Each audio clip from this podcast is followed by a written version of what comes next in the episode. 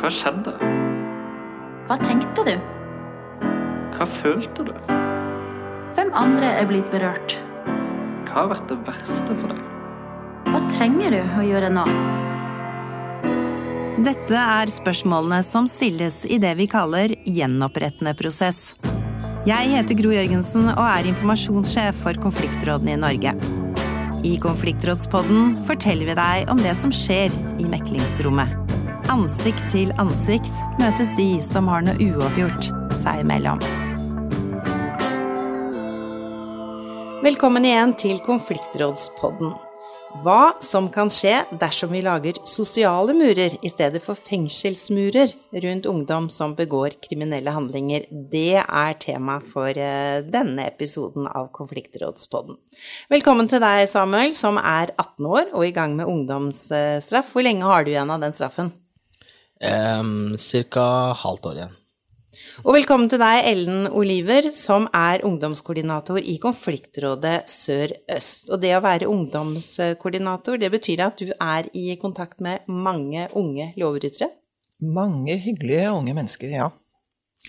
Og med dere to som hovedpersoner, så betyr det at vi skal snakke om ungdomsstraff og ungdomsoppfølging. Det er to straffereaksjoner for ungdom mellom 15 og 18 år som har begått alvorlig eller gjentatt kriminalitet, og som har et oppfølgingsbehov. Og det er altså konfliktrådet som er satt til å administrere disse straffereaksjonene.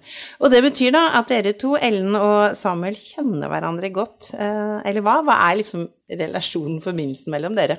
Vi eh, kjenner hverandre egentlig ganske godt, for vi blir jo kjent etter at liksom de fæle tingene eh, er gjort og åpna og sånn. Og så vi jo, møtes jo vi ganske jevnlig og snakker både om de vanskelige tingene og om de gode tingene. Så ja, jeg vil si at på en måte så kjenner vi hverandre veldig godt. Selv om ikke vi møtes akkurat daglig. Hvor ofte er det du møter Ellen? En gang i måneden møtes vi. Hva snakker dere om da? Nei, for så vidt så er det jo litt om eh, ungdomsstraffen, der vi begynner med det. Og så se hvordan det går i hverdagen, om eh, jeg følger reglene, og hvordan ting går egentlig sånn generelt. Er det sånn at du kan liksom ta opp med Ellen hvis det er ting du syns har vært trøblete og vanskelig òg, eller? Ja, det kan jeg. Det er det vi bruker det møtet til, egentlig. Mm. Ja, Samuel, du har fullført to og et halvt år av den tre års lange straffen som du ble dømt til. Du fikk en streng straff etter å ha kommet med trusler og utført vold og tvunget en annen person til å gjennomføre en handling. Jeg har lyst til å spørre deg, hvordan er den Samuel som jeg møter her nå, i forhold til den eh, Samuel som var for to og et halvt år siden? Det er nok en helt annen person, vil jeg si. Hadde du møtt den Samuel før, så hadde det vært en uh, helt annen sak. Det har vært en gutt som uh, lagde en del trøbbel og tulla veldig mye og, ikke brydde seg om konsekvenser. Men i forhold til nå, så er det tenker jeg veldig mye på ting før jeg gjennomfører det. Og det er jeg tenker på konsekvensene. Jeg prøver så godt jeg kan å gjøre ting bra.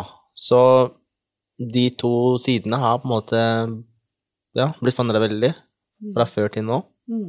Samuel, livet ditt begynte jo da for uh, ca. 18 år siden i et uh, annet land. Hvordan var barndommen din der? Barndommen var veldig annerledes enn de vanlige her i Norge.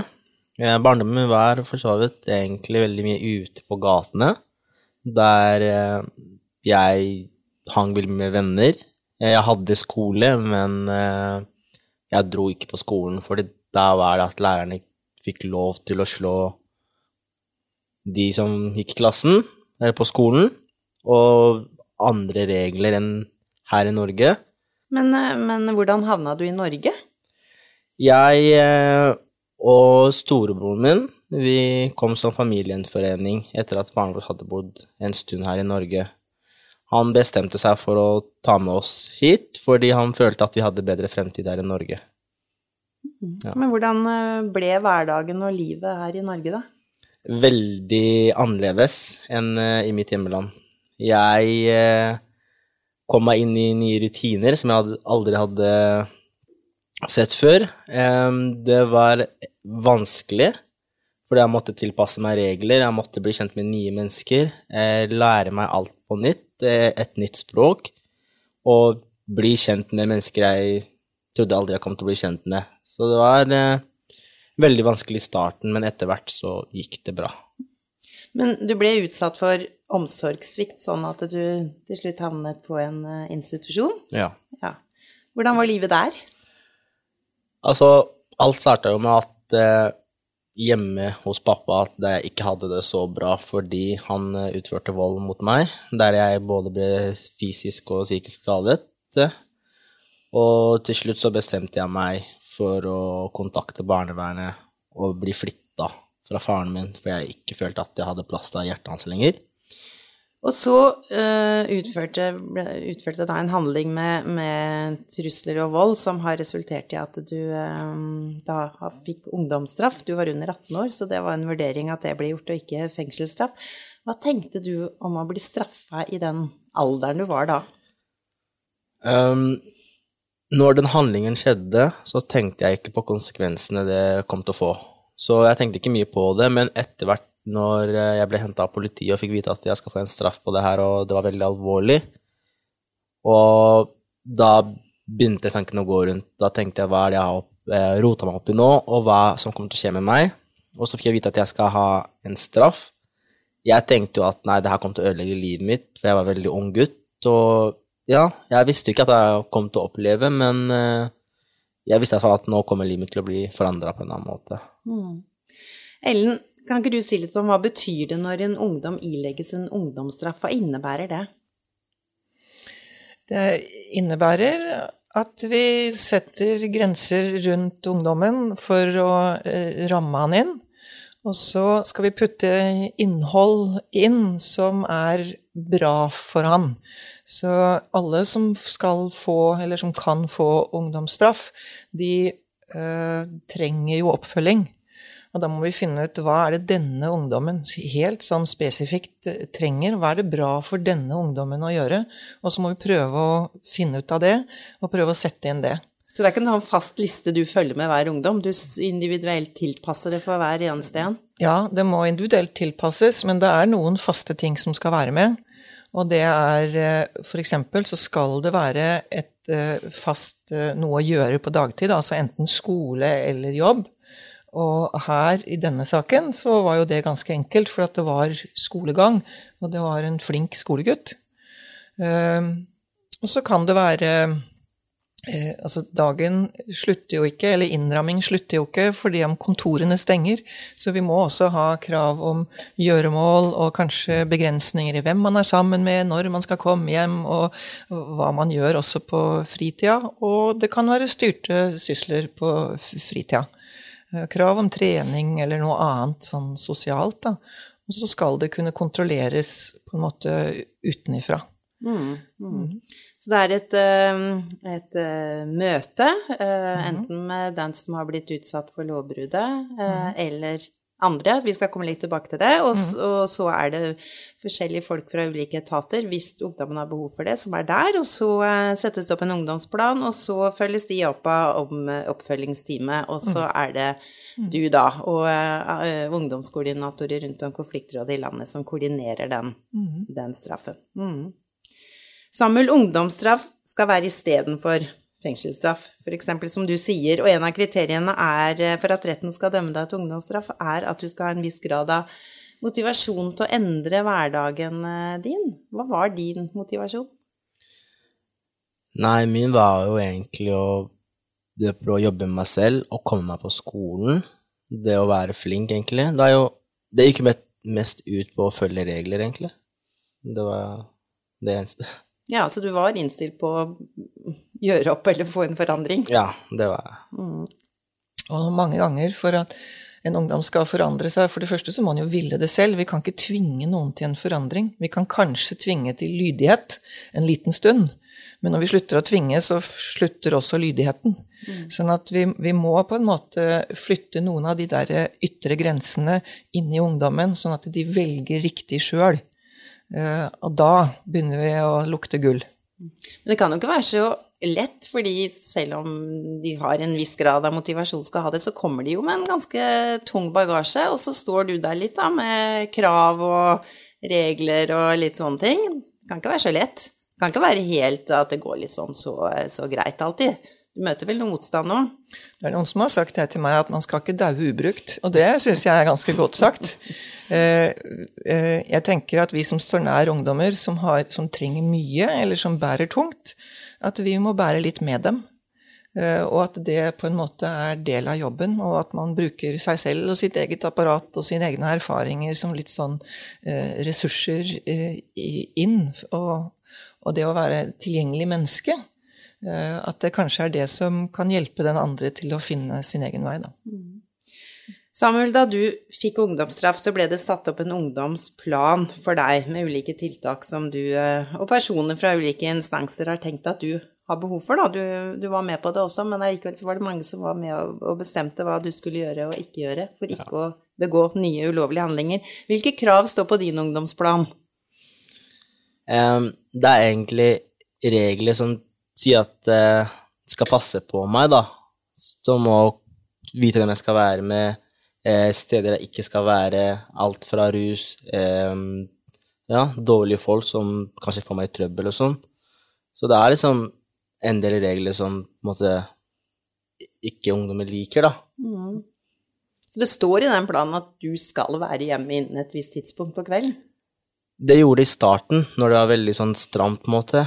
Men nå har det på en måte løsna litt opp. Nå er det liksom Hvis jeg er flink til å planlegge, så kan jeg liksom komme hjem den tiden vi har planlagt. Men jeg må bare planlegge det før. Mm. Så går det bra. Hva har vært det vanskeligste punktet i planen dine? det vanskeligste var nok egentlig å måtte høre så mye på voksne at jeg ikke fikk bestemme selv. Det var liksom det vanskeligste at når alle vennene mine var på fest og de var ute og koste seg og kunne komme hjem veldig sent, mens jeg måtte dra hjem veldig tidlig, det var nok det jeg hata mest. Mm. Hvis jeg skal på en måte bli ferdig med ungdomsstraffen her, og hvis jeg vil videre i livet mitt, så må jeg nesten bare på en måte ta det til meg og klare det. Og man kan dra med liksom små løgner og si at man skal på jobb, eller at man uh, har noe å gjøre hjemme, og det er veldig viktig. Så jeg dro jo litt av en del av de kortene der, som hjalp meg veldig mye, da. Så de fleste vennene mine, de aksepterte det, mm. mens noen var sånn Ja, er ikke du litt for gammel til å høre på foreldrene dine og si at du skal komme hjem den og den tiden, liksom? Men mm. for meg så måtte jeg, da, men det visste ikke de. Så jeg måtte finne en unnskyldning hele tida mm. i starten. Hvilke punkter er det, Ellen, eh, som man liksom pleier å ha i sånne ungdomsplaner? Man har eh, punkter om, eh, om, hva man skal gjøre på dagtid, skole eller jobb. Og det er jo obligatorisk, da må man. Og man må ha legeerklæring hvis man ikke møter som man skal. Man skal ha noe å gjøre på fritid eller hobby eller kveldstid. Man, skal, man har punkter og vurderer punkter som handler om hvem man er sammen med. Men hvis det ikke de følger opp, så kan det få alvorlige konsekvenser? Det kan få veldig alvorlige konsekvenser, og det er egne sett med regler for hvordan vi følger opp det. Mm. Du har jo et uh, oppfølgingsteam som, uh, som, følger deg opp, det ligger i navnet. Og så har du da Ellen som du møter uh, jevnlig. Ser du på de og på Ellen som noen som vil støtte og hjelpe deg, eller er det liksom sånn politi og vaktbikkje. Litt brysomme. I starten tenkte jeg det var mer som vaktbikkje og som politi som vil passe på meg. Men jo mer jeg ble kjent med Ellen og de andre rundt teamet, så kjente jeg at de var der for å støtte meg, for å hjelpe meg, og at de ville være det beste for meg. Så etter hvert så lærte jeg å akseptere da at ok, jeg får den hjelpen jeg trenger, faktisk. Så det var veldig koselig etter hvert. Og så består jo også ungdomsstraffen av det vi kaller et gjenopprettende møte. Eh, og da er det sånn at ungdommen må forplikte seg til å møte den som har blitt utsatt for den uh, ulovlige handlingen. Nå ønsker ikke den personen som, som, du skadet, å møte deg, men det ble et gjenopprettende møte allikevel. Og kan du si litt om hva som skjedde der, og hva du syns om det? Ja, nei, på det møtet så snakka vi jo litt om eh, fortiden, da. Det som har skjedd, og hvorfor det skjedde. og hvordan det var der og da, hvordan jeg har det nå, egentlig. Så det var jo det det møtet gikk ut på, egentlig. Mm. Da hadde du med deg fosterforeldrene dine, og så var det en med fra barnevernet og konfliktrådet? Var det Ja, sånn? Mm. det var det. Var det sånn møte som gjorde at du tenkte deg enda mer om, eller hva gjorde det for deg? Altså, for meg så vekket det opp jo litt sånn gamle minner, fordi jeg likte ikke å snakke mye om det, for jeg syntes det var litt sånn flaut og litt sånn kleint å snakke rundt om akkurat det jeg hadde gjort. Men på en måte så var det jo bra for meg å få det opp igjen, for da kunne jeg tenke på, å ja, det var, det, det var der jeg holdt det på før, ja, det var den dårlige tiden jeg hadde. Da kunne jeg på en måte sammenligne med hvordan jeg har det nå, hvordan jeg hadde det før. Så på det møtet så syns jeg at det egentlig var veldig bra, og jeg var glad for at vi fikk eh, gjort det, da. Men Ellen, det kan høres litt rart ut for folk ute at det liksom Hvordan kan man ha et gjenopprettende møte når ikke den møtte den som da ble utsatt for handlingen? Ja, det høres kanskje rart ut, og det går an å gjøre andre ting enn å møtes direkte også.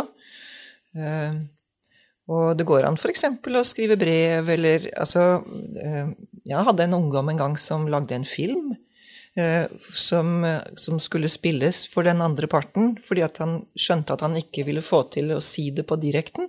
Så han spilte inn en film som vi hadde med oss i møtet, som vi viste fram da. Eh, Så det, det er mange måter å drive med gjenoppretting på. Men eh, hvis ungdommen, eller den som er skadet i saken, og ikke ønsker å møte, så har vi allikevel et gjenopprettende møte hvor vi snakker veldig tydelig om hva som skjedde, og hva de tenkte, og hva de tenker nå. Sånn at vi har mye gjenoppretting også selv om den som er direkte berørt, ikke møter. Må vi snakke litt om dagen i dag. Hvordan har du det i dag, Samuel? Nei, i dag har jeg det veldig bra. Det, livet mitt har blitt forandra. Det går på bedringsvei. Jeg jobber med meg selv og har støtte rundt meg, og det er jeg veldig glad for. Hva tenker du om ungdomsstraffen som eh, straff for ungdom? Jeg syns det er veldig bra, faktisk. hadde Det vært en annen side hvis en ungdom på en ung alder ble låst inne. Men jeg var heldig og fikk den muligheten til å sone i frihet, og fikk den ungdomsstraffen. Da fikk jeg både hjelpen jeg trengte, og støtten fra alle, og ja, jeg kunne leve fritt. Bare litt små regler jeg måtte følge, men det må man noen ganger. Og jeg er veldig, veldig takknemlig for at jeg har fått en ungdomsstraff som jeg kan jobbe med. Og da fikk jeg mulighet til å jobbe med meg selv også og finne ut nye ting jeg ikke visste om meg selv. Har du gjort noen tanker på hvordan livet ditt kunne vært i dag hvis ikke det hadde blitt noen ungdomsstraff på deg? Ja, det har jeg faktisk gjort. Jeg så, eller jeg så for meg selv at hvis jeg ikke hadde fått en ungdomsstraff, så hadde jeg sikkert vært ute og holdt på med stoff og vært ute med dårlige gjengmiljøer og sånn, fordi jeg bodde jo Oslo en gang i tida, og der jeg ble kjent med en del mennesker som holdt med dårlige ting, og de, sti- og de forskjellige stedene jeg har bodd på. Og når jeg tenker meg gjennom, så er det sånn at ok, hvis jeg ikke hadde fått ungdomsstraffen der, så hadde jeg vært der med den nå. Da hadde jeg sikkert havna i fengsel for lenge siden og hadde vært en dårlig ungdom. Men den ungdomsstraffen der fikk meg liksom til å gå litt vekk fra det. Så det er en veldig bra ting å gjøre for ungdommer. Hva tenker du, Ellen? Hva er det som gjør liksom, at ungdomsstraffen virker for mange ungdommer, og de blir forhåpentligvis ansvarsfulle, lykkelige, flotte voksne? Ja, vi kan ikke love alt det, da. Men eh, det å få lov til å bli voksen med god støtte, det er jo en ressurs i livet.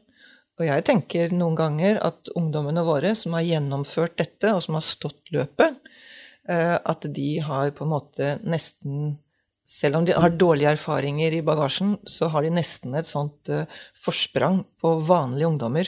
Fordi at de har eh, vært nede, de har funnet ressurser, og de vet hvordan de skal løse skikkelig vanskelige situasjoner. Og sånn er jo livet. Hva er fremtidsplanen eller fremtidsdrømmen, da?